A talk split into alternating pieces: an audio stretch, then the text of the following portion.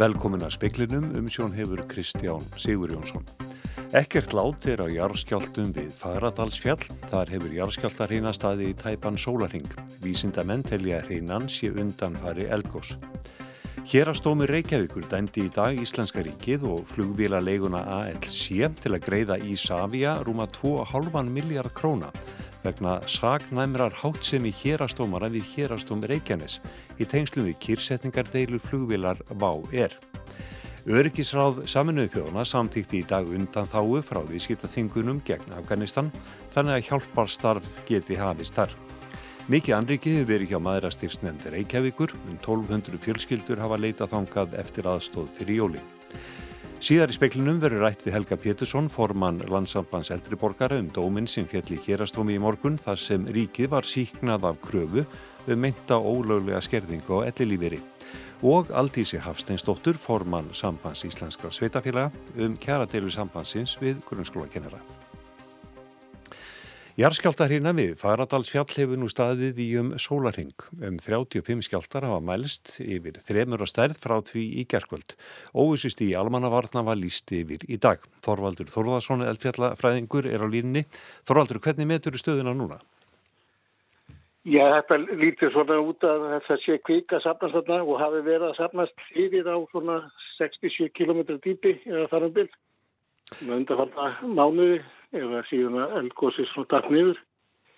Og uh, ef það er rétt að þá er þess að aðfæsla æri sem að er að flytja kviku frá djúpa geimslóflugin á 17 km hún er ennþá þá opinn og kvika er ennþá streyma upp um hana. En sá hluti aðfæslaðina sem likur í gegnum stökku skorpuna fyrir ofan svona 6 km hún byrjast hafa loka sko þannig að kvika ná ekki greiða leið allavega, til yfirbúrs En hverja tellið þið að líkurnar á að það gjósi á ný? Það eru, ekki bara segja, svona 50-50 eins og einhver orðaða. Það eru, sko, við vitum það svo sem ekki ennþá. Ekki fyrir en að, kannski að, að við sjáum greinlega ummerkjum það að, að skjáftafurna séu kannski að, að koma upp á grinnra dýpi. Þannig að það myndir að betra því að kvika næri þá leiðinni, leiðinni upp frá þessu stað sem hún er að safna fyrir á núna. Eh, hvort að það gerist á morgun eða eftir viku eða, eða mánuð eða mánuði er, er alveg óljós. Það fyrir alveg eftir hvernig kvíkumfýstingum byggist upp eh, inn í þessu hólfis það sem kvikan er að safna fyrir þess að innrið fýstingurinn það er náttúrulega eikst eftir þessum pumpa meira magni að kviku inn í það og síðan hver er þá styrkurinn á þakin á þessu hólfis en skorpunni sem er ofan á og eh, þegar að innrið þýstingurinn er meiri heldur en styrkurinn á þækjum þá náttúrulega finnur kvikan sér leið til yfirbús. Við fylgjum með þessu. Takk fyrir þetta Þorvaldur Þorðarsson, eldfjallafræðingur. Íslenska ríkið og flugvélaleigan ALC voru í dag dæm til að greiða í Savia rúma 2,5 miljard króna vegna sagnæmrar háttsemi hérastómara við hérastóm Reykjanes í tengslum við deilum kyrsetningu í Savia á Airbus þóttu gegn skuldum flugfélagsins VAU-R. Málinu verður líklega áfríða til landsréttar og kemur öllum líkindum til kasta hestaréttar. Ísafja kyrsetti vélina veturinn 2019 og neytaði að láta hann af hendi nema ALC greitti allar skuldir vá um 2 miljardar króna. ALC taldi sig ekki vera í ábyrð fyrir vá og krafðist þess að fá þótuna aðfenda. Deilan fór fyrir hérastóm, landsrétt og hæstarétt en í júli fyrir tveimur árum kom stómari við hérastóm Reykjanes að þeirri niðurstuðu að ALC ætti að fá þótuna aðfenda eftir að hafa greitt allar skuldir sem kvildi á vélinni sjálfri. Í Savia höfðaði skadabótamál sem vannst í hérastómi í dag. Dómurinn taldi að Ísafja hefði orði fyrir tjóni sem Íslenska ríkið og ALC beri ábyrð á. Öryggisráð saminuð þjóðana samþykti í dag álíktun byggða á tillugu bandarækjumanna um undan þáu frá viðskiptað þvingunum gegn Afganistan svo breyðas megi við mannúðarókninni sem við blasir. Eftir að talibanar hrifsuðu til sín völdin í ágúst voru miljardar bandaríkjadala eignir afganska ríkisins fristar og það á einni við um fjárstyrki til mannúðarmála. Nú blasir kaldur vetur, sárafátækt og hungur við afgönsku þjóðinni sem telur um 38 miljónir manna. Sankvæmt álíktuninni verður undað veita aðstóð í landinu um eins ár skeið án þess að brjóta gegn alþjóðlegum viðskiptaþvingunum í gard talibanastjórnarinnar sem hverki hefur hlotið viðurkenningu. Mannréttindastofnun saminuðu þjóðana hefur ítrekkað varað við miklum yfirvofandi hörmungum í Afganistan enda efnahagslífið lamað og fæða og eldsneiti af skortnum skamti. Fjármálaráðunetti bandaríkjana uppfærði einnig reglur sínar þannig að fjárframlög og matvelaðstóð verði tryggð án þess að farum hendur manna sem sæta persónulegum viðskiptaþvingunum. Starfsmenn hjálparstofnana annast í sumum tilfellum tilfæslu fjármuna, engum þar sem yfirmenn sæta þvingunum. Náið verður einnig fylst með hvort hjálpin fer og krafa er gerðum skýslugerð á hálsárs fresti. Komi ljós að brotið hafi verið gegn ákvæðum undan þágunar eða að fjö hafi lendi í raungum höndum verður mögulegt að snúa greiðslum við. Markus Þórhaldsson saði frá. Veitingamenn býða nú svara frá heilbriðisraðunitinu um hvort þeim verði veitt undan þáa frá sóttvarnareglum sem eiga að taka gildi á miðnætti og fáið því að hafa opið lengur á morgun. Í brefi frá eigandum hátt í 200 veitingastada til heilbriðisráðtera segir að þeir hafi þegar mannað vaktir á þólagsmessu og keift mikið magn aðfanga sem fari í súgin verði nýjum samkomi takmörkunum fyllt. Fundur stendur nú yfir í ráðunitinu um málið og vonast þið til að hægt verða að komast að niðurstöðu í kvöld. Fram til þessa hafa aðeins tveir fengið undan þáur frá heilbreyðisráðunitinu að undan skildum stopnunum og fyrirtækjum sem teljast til mikilvægra innviða. Það eru Bubi Mortins og MC Gauti vegna tónleika hals á morgun. Samiðnuð stjórnaranstaða nær árangri og málum í gegn, segir Jóhann Páll Jóhannsson, þingmaður samfélkingarinnar, jafnvel jafn ólíkir flokkar og nú skipi stjórnar anstöðuna. Flokkarnir segja ákverðun fjárlega nefndar að fá 150 miljóna króna viðbótar fjármagn til sálfræði þjónustu vera vegna þrýstings þeirra. Óbúslánaði með að saminuð stjórnaranstaða hafi náð þessu fram, þess að 150 miljóna króna framlægi til að til að uppfylla lög sem feldu eh, sálfræði þjónustu undir sjúkratryggingakerfið og fylgja í sér neyðugreðslu á, uh, á sálfræði þjónustu fyrir allan almenning. Þetta skiptir mjög miklu máli og þetta sýnir bara hvað í rauninni hverju saminu stjórnarnarstaða getur náð fram. Fyrst var það engreðslan fyrir öryrkja, 53.000 krónur núna í þessu mánuði. Uh, núna fyrir jól, mér skilst að tryggingastofnun sé að græja þetta núna bara í, í dag eða morgun og, og nú þetta. Þannig að þetta er hérna, og þetta eru eins og ólíkir flokkar og, og sko flokku fólksins, viðreist, píratar og við í samfélkingunni. Þannig að þetta er, þetta er mikið gleiðetni fyrst mér. Saði Jóhann Páll Jóhannsson, Jóhanna Víti Sjálfadóttir talaði við hann. Á annað þúsund fjölskyldna fá aðstóð frá maðurastyrksnefnd Reykjavíkur fyrir jólinn. Færri hafa leitað til maðurastyrksnefndar fyrir þessi jól en á síðasta ári. Aðalhefur Fransdóttir hjá Mæðrastyrks nefndir Reykjavíkur telur betra atvinnu ástand en áður skýra það. Þannig að það er uh, færri aðurleysiskrá og hérna við hefum, við sínist að tala fari í um 12, síðan 1200 heimili sem eru búin að koma allt í allt þess að fjóra daga. Og hvað er það helst sem að þið eruð að færa fólkinu? Það er bara allir uh, jólamatur eins og við myndum bara vestla átti búð fyrir jólinn og jólagjafir og, og svo var þetta auka í dag sem sagt frá eldum rétt sem það var hamburgarryggur og meðlæti. Allur gangur er á líðanfól sem mætir til mæðrastyrksnemdar til að fá aðstóð. Það er engin að koma ganni sínu. Það er ekki svo leiðis. En staðstu hópur sem að til okkar leita eru öryrkjar og uh, þó nokkuð eldri borgurum það er svona stæðstu áhopparnir. Sagði aðalhegur Fransdóttir, Ólöf Rún Skúladóttir talaði við hana. Ríkið var í hérastómi Reykjavíkur í morgun síknað í málum þryggja félaga gráahersins gegn tryggingastofnun. Dónum verður áfríað en þremenningarnir vildi fá það viðkent að tryggingastofnun hefði verið óheimilt að skerða ellilíferi þeirra og heimilisuppbót vegna greiðsluna úr skildubundnum atvinnutengdum líferi sjóðum. Dómurinn tók þetta ekki til greina og taldi að ríkinu væri heimilt að beita skerðingum en hins vegar viðukent að eignaréttar ákvæði stjórnarskrár eigi við um líferinn. Helgi Pétursson, formadur landsambands eldri borgara, velkomin í sveilin. Takk fyrir. Svona mannamáli, hvað þýðir í stómur? Já, þetta er svolítið drikki en samt. Sko, um, þetta þýðir það í raun og veru að að eignaréttar hugtakið, eignaréttar ákvæðið er, er viðukjönd og, og, og eignaréttar ákvæðið í stjórnarskrárinar sem þýðir að þá þarf að, þá þarf að vega þá að meta hvers vegna og hvernig eru þessar skerðingar til komnar.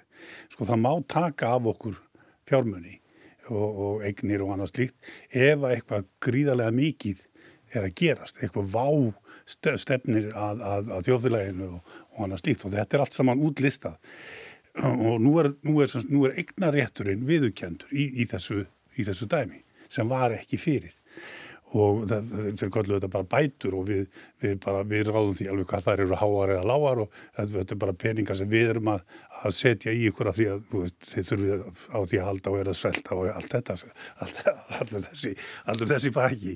En nú breytist þetta þannig að og það er það sem við munum gera þegar við áfrýmumst til landsrættar, þá þrengjum við þessa sókn, málsókn miklu meira. Og bara inn á þetta. Hvernig, sem, að, sem að í raun og veru hefur verið undir tónin í þessu hjá okkur allan tíman, hvaðan koma þessar skerðingar, hvernig er það hugsaðar, ákkur er það svona háar? Hverjir ákváðu þetta, hverjir gerðu þetta? Og nú fer, nú fer svona fókusin að síga á væntalega á þingið mér finnst mjög líklegt að sko ráð þeirra hafi haft mikið um þetta að segja og, og, og, og fjálaga nefndi eða einhverja slíka nefndir en nú getum við farið að gera kröfu uh, til þess að þetta verði rætt í þinginu. Lítur þá þannig á að, að sko stafa þessara þreminninga og náttúrulega þá eldri borgara í held, er hún sterkari eftir þennan dóm? Mér finnst það. Mér finnst þetta með að, að við höfum tapað og eitthvað svona, það, það er auðvitað þetta fyrsta ákvæði að, að, að þetta hef ekki verið lögulegt, við verðum að fallast á það, en núna kemur þessi útfæsla sem að við getum farið að rukka mennum, býtu hverjir ákváðu þetta, hverjir gera þetta og það er það sem að ég held að verði mjög spennandi að fá að vita. Hvað verður svona næsta skref hjá ykkur? Þið ætlaði áfríða, hver er svona tímalínan í þessu? Já, það tekur ár allavega við gætum sloppi við, við landstóm og farið beint í hæstarétt. Ég held að það verður örglega skoðað. Við konnum það örglega mjög vel.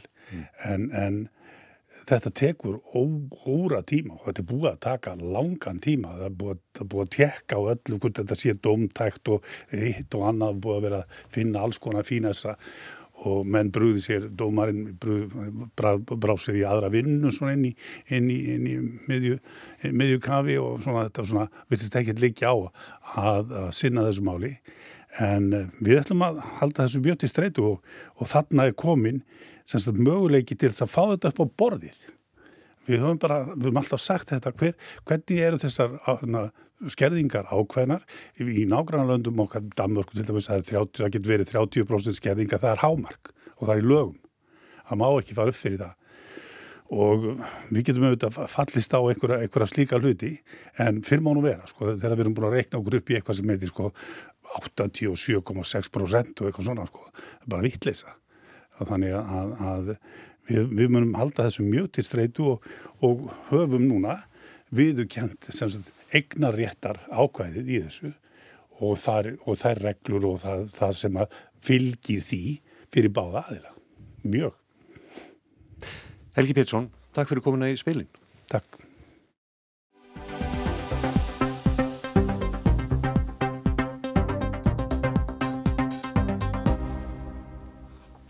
Það kæmi umferðar lauruglu á höfuborgarsvæðinu ekki á óvart og í framtíðinni fái bílar ekki að aga hraðar en á 50 km hraða innan þéttbílis. Allt og mikið sé um hraðabrott. Hún hafnað því að lauruglan geri aukumennum hærraendur höfði en gangandi og hjólandi. Speillin fjallaði gærum umferðar öryggi, engum í tengslum við það að í ár hafa fjórir gangandi eða hjólandi vegfærendur látist í umferðinu á höfuborgarsvæðinu. Langt um fleiri en undanfærin ár. Þetta er mikið ágefni og bara afskaplega slæm þróun ef hún heldur áfram í þess átt. Segir Árni Fridleifsson aðalvarstjóri hjá umferðardeild lauruglunar á höfuborgarsvæðinu. Við búum á Íslandi og sérstaklega hérna á haustin og að vetralagi er náttúrulega dimmiðviðri, skikni getur verið lélegt. Við erum líka að sjá það, núna síðustu árin hefur ferðamátti fólks uh, breyst. Æfleiri nota reyðhjól, æfleiri nota raflaupahjól æg fleiri fara bara að ferði svona gangandi nota alminnissamgöngur. Allt þetta sem ég taldi upp eru mjög jákvæð, jákvæð þróun. En að samaskapi þá náttúrulega geta komið upp vandamál þar sem öll þessi tegund umferðar er að skarast hinga á þangað. Ég hef sagt stundum að, að umferðin sé eins og dansgolf, þarna ferðu inn í, í ákveði svæði og, og þarna eru alls konar tegundir af, af dansistundadar, hvort sem það er rock og, og disco eða, eða, eða hérna, vínavalsin. Þannig að hver sem er inn á þessu gólfi þarf að taka tillit til hvers annars. Árni Davíðsson, formaður landsambands hjólreiðamanna, sagði í speklinum í gær að samfélagið væri gegn sírt af bílmiðaðri menningu og að eftir slís þar sem ekið er á gangandi eða hjólandi beini lögregla oft frekar tilmælum að fórnarlömpunum en að aukumunum. Nafni hans hjá löggunni kannast ekki við það. Tilmælum sé bæði beint til aukumanna, svo sem um farsímanót kunnundi stýri og annara vegfærenda. Ég skal bara taka dæmi núna í morgun, þá sjáum við dökklæta veru hlaupa yfir götu uh, þar sem er 50 km hámasæði, ekki á gangbröð, ekki á umferðljósum, hún bara þverar veg beint yfir. Við hljótum að, benda svona fólki á að nota endurskísmerki og það er beinlínis í umferðalögunum hvöð á lögreglu að benda fólki á umferðalögu en við erum ekki að taka eitt flokk í umferðinni og fara í einhverja herrferð gagvart honum per sé. Láreglan reynir að stuðla að auknu umferðar öryggi með því að vera sínileg. Sínileg lögjastla í umferðinni, hún, hún hefur gríðala mikil áhrif á aukuminn og við erum búin að finna það. Refsingar hafa líka áhrif. Við erum að kæra sko fleiri þúsund aukuminn eh, fyrir umferðarlagabrótt Árni nefnir árið 2018 hafi hraðamyndavilar náð 18.000 ökumunum sem óku á frætt á höfuborgarsæðinu. Árni segir að laurglan hafi undanfærið aukið hraðaeftilit. Í kringum skóla aðalega, þar eru við með myndavila-bíl og þeir sem stýra honum hafa verið mjög duglir að taka allir með skóla, skólakverfin. Við erum að sjá samt sem áður því miður afskaplega leiðilegar nýðustöður ofta tíðum. Til að mynda þá mældi bíli núna höst götu sem er sett fram hjá barnaskóla, 30 km hámasæði þar. Og eftir háti á skólatíma þá var, var 135 aukvöntæki ekkið fram hjá þessum skóla. 72 var ekkið of hratt. Brotalutvalli var sett 53% sem er alveg svakalega hátt brotalutvall Meðalhraði bílana var um 50 Viðbröð lauruglu voru að hvetja veghaldara til að bregðast við. Það er hlum sagt að hafa hraðahindranir og við höfum mörg dæmi um það að veghaldari hafi útbúið gatnakerfi þannig að þú, þú bara getur ekki ekkið á meiri hraða heldur en hámarsaði er. Reykjavíkuborg vinnur að því að lækka hámarsaða við á stopn og tengibrautum í borginni. Í spekli gerdagsins sagði Berglind Hallgrímsdóttir samgönguverkfræðingur hjá Eblu slíkar aðgerðir best til þess fallnar að auka öryggi. Runolfur Ólafsson, framkvæmdastjóri félags íslenskra bifræðaegenda, sagði mikilvægt að ígrunda svona aðgerðir vel. Umferðin hægi sér eins og vatn og hættan svo að fólk fara að stitta sér leiðir í gegnum íbúðakverfi. Að mörguleit er þetta rétt hjá Runolfi. Síðdegisumferðin sérstaklega er þessu stóru æðar anna ekki allir umferð sem, sem er á sama tíma að ferðast um. Þá finnum við þetta aldrei að það ekst umferð inn í íbúðakverfum. Að móti kemur að þessar tiluguborgarna sem er reyndar eru ekki allar að komnar í, í gang stuðla aðum fyrir öryggi. Það er marg sannað að, að eftir því sem þú ekkur hraðar og lendir í opi eru meiri líkur á alvarlegum slísum. Þannig að mörguleiti skilja veghaldara í þessu tilviki að reyna að lækka umferðar hraða til að koma í vekk fyrir þessi alvarlegu háorku slís. Við getum þá sagt eh, hvað eigum við að gera, eigum við bara að hafa háan hámarsraða á stoppbrautum og götum hérna um borgina og sætta þá okkur við þessi slís eða eigum við þá að reyna að lækka hraðan og fá þingri umferð inn í íbúðakörfin sem er mun hægari. Þetta er bara rosalega erfitt að eh, sjá fram í tíman hvernig þetta verður. Og að lókum talandum framtíðina, hvaða breytingar myndir vilja sjá á kerfinu til náinnar framtíðar þá í þá umferðar öryggis? Sko, það er alveg ljóst að, að þróun aukutækja við tökum bara bíla og þá er þróunin sko í þá átt að, að ég er ekkit hissa þó að í einhverju ófysisáanlegri framtíð væri bara ekkit hægt að keira bíla hraðar en 50. Það er bara að þú kemst ekkit hraðar. Það er verið að tala um sjálfkerrandi bíla og alls konar yngri frá tækninni. E, þetta er allt gott að blessað en svo kemur alltaf á mótið og við búum á Íslandi hvernig er hérna í vetrafærið, ætlum við að hafa sjálfkerrandi bíla í vetrafærið. Svo er líka hægt að benda á, núna síðustu, síðustu ár hefur e, gerð gangstíga og, og hjólastíga hérna á höfborgarsæðinu. Því hefur farið mikið fram. Umferðarkerfið sem slíkt er í gríðalegri þróu núna. En það sem ég náttúrulega vilja helst sjá er að taka sett, að umferða hraði verði þannig að, að, að við séum ekki að fá þessi slæmu slís en einnig að umferðin gangi og það þarf náttúrulega við þurfum að, að skoða það að aðskilja þveranir gangandi og reyðhjól við bílaumferð. Það er eins og komið ágætis standa á mörgum svæðum í, á höfuborgarsvæðinu með reyðhjólastíga, göngustíga og svo ertu með agbröð fyrir bíla. En á einhverjum punktum skerast þessir hópar og það eru þeir helst uh, fyrst og fremst sem við þurfum að, huga að. Sagði Árni Frilefsson, Arnhildur Haldanardóttir talaði við hann.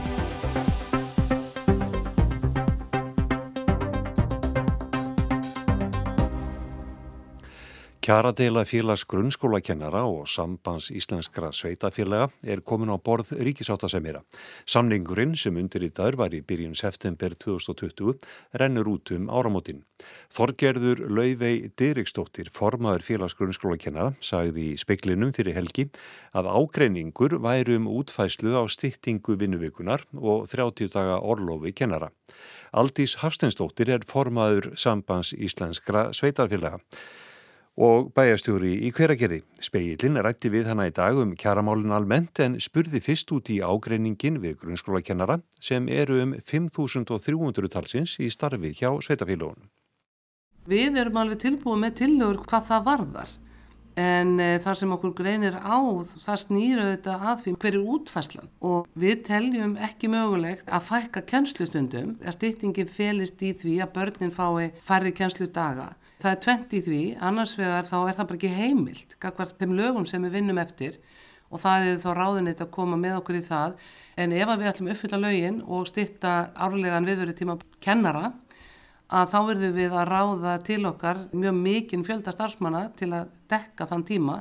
Það myndi kosta að okkar mati hátt í 2 miljardar og við teljum ekki að þessi starfsmannahópur sé bara til það núti til að bæta inn í grunnskóluna. Það er bara ekki sá hópur grunnskólakennar sem eru að lausa, hann er bara ekki það stór.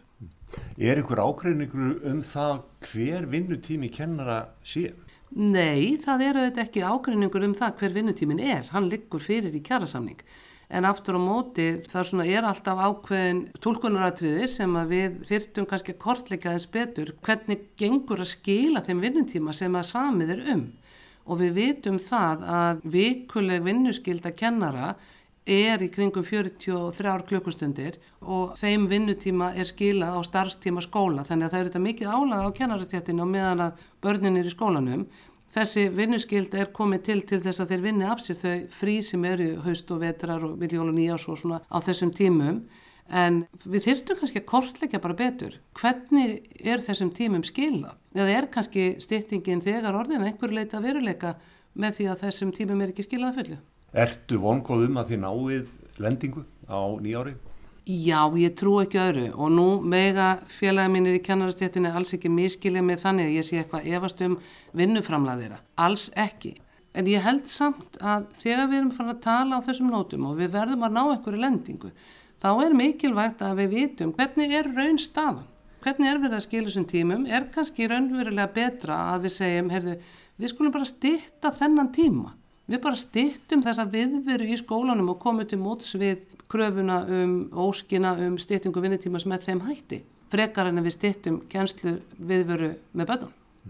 Það mátti skilja það á bæði viðtörnum við forman félags grunnskólakennara, Þorgerði og eins forman BHM, Fririk Jónsson, að þau teltu að staða sveitafélagana væri slík tekjumöguleikar þeirra væri það takmarkaðir að það hamlaði samlingagerð í kjæraviðræðum. Hverju svarar þetta? Ég get allavega tekið undir það að tekju grunnur sveitafélaga er allt of rýr og við hefum verið það um þó nokkuð skeið og það er alveg ljóst að það samtal sem við erum að taka núna við ríkisvaldið með hvað hætti getur við auki tekið sveitafélaga til þess að þau geti staðið ströym bara af þeim kostnaði sem fælst í lögbundum verkefnum. Aftur á móti vil ég kannski ekki setja sama sem merki á milli þess og að við myndum ná árangur í þeim viðræðum og að við myndum setja þá peninga alla til að hekka lögum grunnskólakennara. Það myndi gefa okkur möguleika á að standa betur vörðum fyrir verkefni sem við lögum samkvæmt eigum að sinna en við verðum auðvitað líka að gæta bara að bara henni almennu launasetningu að einni stjætt sé ekki umbuna langt umfram það sem aðrar fá því að með því móti væri við bara að starta höfrungarhlaupi sem er erfitt að sjá fyrir endan á og myndi kannski að lokum ekki leiða til kjarabóta því að kjarabæti snúast náttúrulega um það hversu mikið við getum fengið fyrir peningi sem við færð ekki kannski endilega fjölda króna sem koma í launaumsleginu. Ef við tökum grunnskólakennara út fyrir svega, flesti kjarasamlingarinn sem komiði fram gilda út oktober á næsta ári, hvert verður megin verkefnið hjá ykkur og viðsémendum ykkar núna á næsta ári áður en að kjærasamlingarnir er renna út? Ég held að það hefur verið stíið mikið gæfu spór varðandi lífskjærasamlingarna. Það er engin spurning að við verðum að samstilla þessa strengi alla. Ég tel líka og ég er ekki einum það að við verðum að horfa til þess sem best gerist hjá þeim þjóðum sem við viljum byrja okkur sama við hvernig staðið er að kjara samningu til dæmis á Norðurlöndunum, hvaða grunnur er lagður þegar hortið til hverjir eru möguleikar bara samfélagsins alls til launahækjana. Svo má ekki gleyma því og ég held að það sé kannski eitt af svona þessum alvarlegu hlutu sem við sem samfélag verðum að bæta úr og það eru húsnæðismálinn. Við verðum auðvitað að sjá til þess að fólk hér á landi hafi efna á því að eignast húsnæði. Langt flestir íslendingar vilja eiga sitt húsnæði og við erum komin á þann stað að húsnæðisverð, sérstaklega hér í þéttbílunum á Suðvesturhóttinu, er orðið með þeim hætti að þeir sem eru svona í þessum svo kallu lægari tekju tíundum, þeir hafa bara ekki ráða því að kaupa húsnæði. Og þetta er grav alvarleg staða sem ég held að við höfum því meður sofið að þessu verðinu kakvart og verðum ávarpa enn frekar í næstu kjársamlingum. Hvernig þá? Ég held að við auðvitað erum að sjá mjög mikla breytingar á þessu umhverfi með þessum óhagnaða drifnu legufélugum þar sem sveitafélun hafa verið að stíga inni með stoppframlög, ríkið stígur inni með stoppframlög með það fyrir augum að geta bóði fólk upp á í þessu tilfelli leiguhúsnaði á ásættunum kjörum og öryggi að því að það er svo dyrmætt fyrir þá sem verða að vera á leikumarkaði að það fólk sé allavega örugt um að það haldi húsnaðinu og húsnaði sé gott. Þannig að ég held að stóraukinn framlög ríkisins til stoppframlega veru eitthvað sem við verðum að horfa til og auðvitað líka þessi stöðningur í hluteldalánu til fyrstu kaupa eiganda er eitthvað sem við erum að horfa til og svo þurfum við náttúrulega sveitafjölu líka að hlaupa svolítið hratt núna og sjá til þess að það séu til lóðir til þess að sé hægt að byggja þetta húsnaði. Sagði Aldís Hafsteinsdóttir bæjastjóri í hveragerði og formaður sambangs íslenskra sveitafélaga. Það var meðal efnis í speiklinum í kvöld að ekkert látir á jarðskjáltum við Fagradalsfjall. Þar hefur jarðskjáltar hreina staði í tæpan sólaring. Vísindamenn telja hreinan sé undanfari eldgós. Hérastómi Reykjavíkur dæmdi í dag Íslenska ríkið og flugvílaleguna ALC til að greiða í Savia rúma 2,5 miljard króna vegna sem í hérastómara við hérastóm Reykjanes í tengslum við kyrsetningardeilu flugvílar VÁ-R. Öryggisráð saminu þjóna samþykti í dag undan þáu frá viðskiptaþvingunum gegn Afganistan þannig að hjálparstarf geti hafistar. Veitingamenn býða nú svara frá heilbyrriðisraðunitinu um hvort þeim veri veitt undan þáa frá sóttvarnareglum sem eiga að taka gildi á minnetti og fáið því að hafa opið lengur á morgun þólásmessu.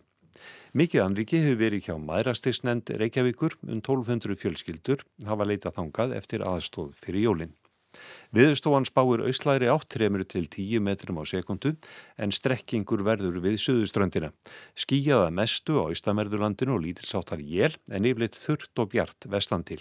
Frost 0 til 10 stig, kaldast í innsvitum á norðausturlandi en frostlaust siðst.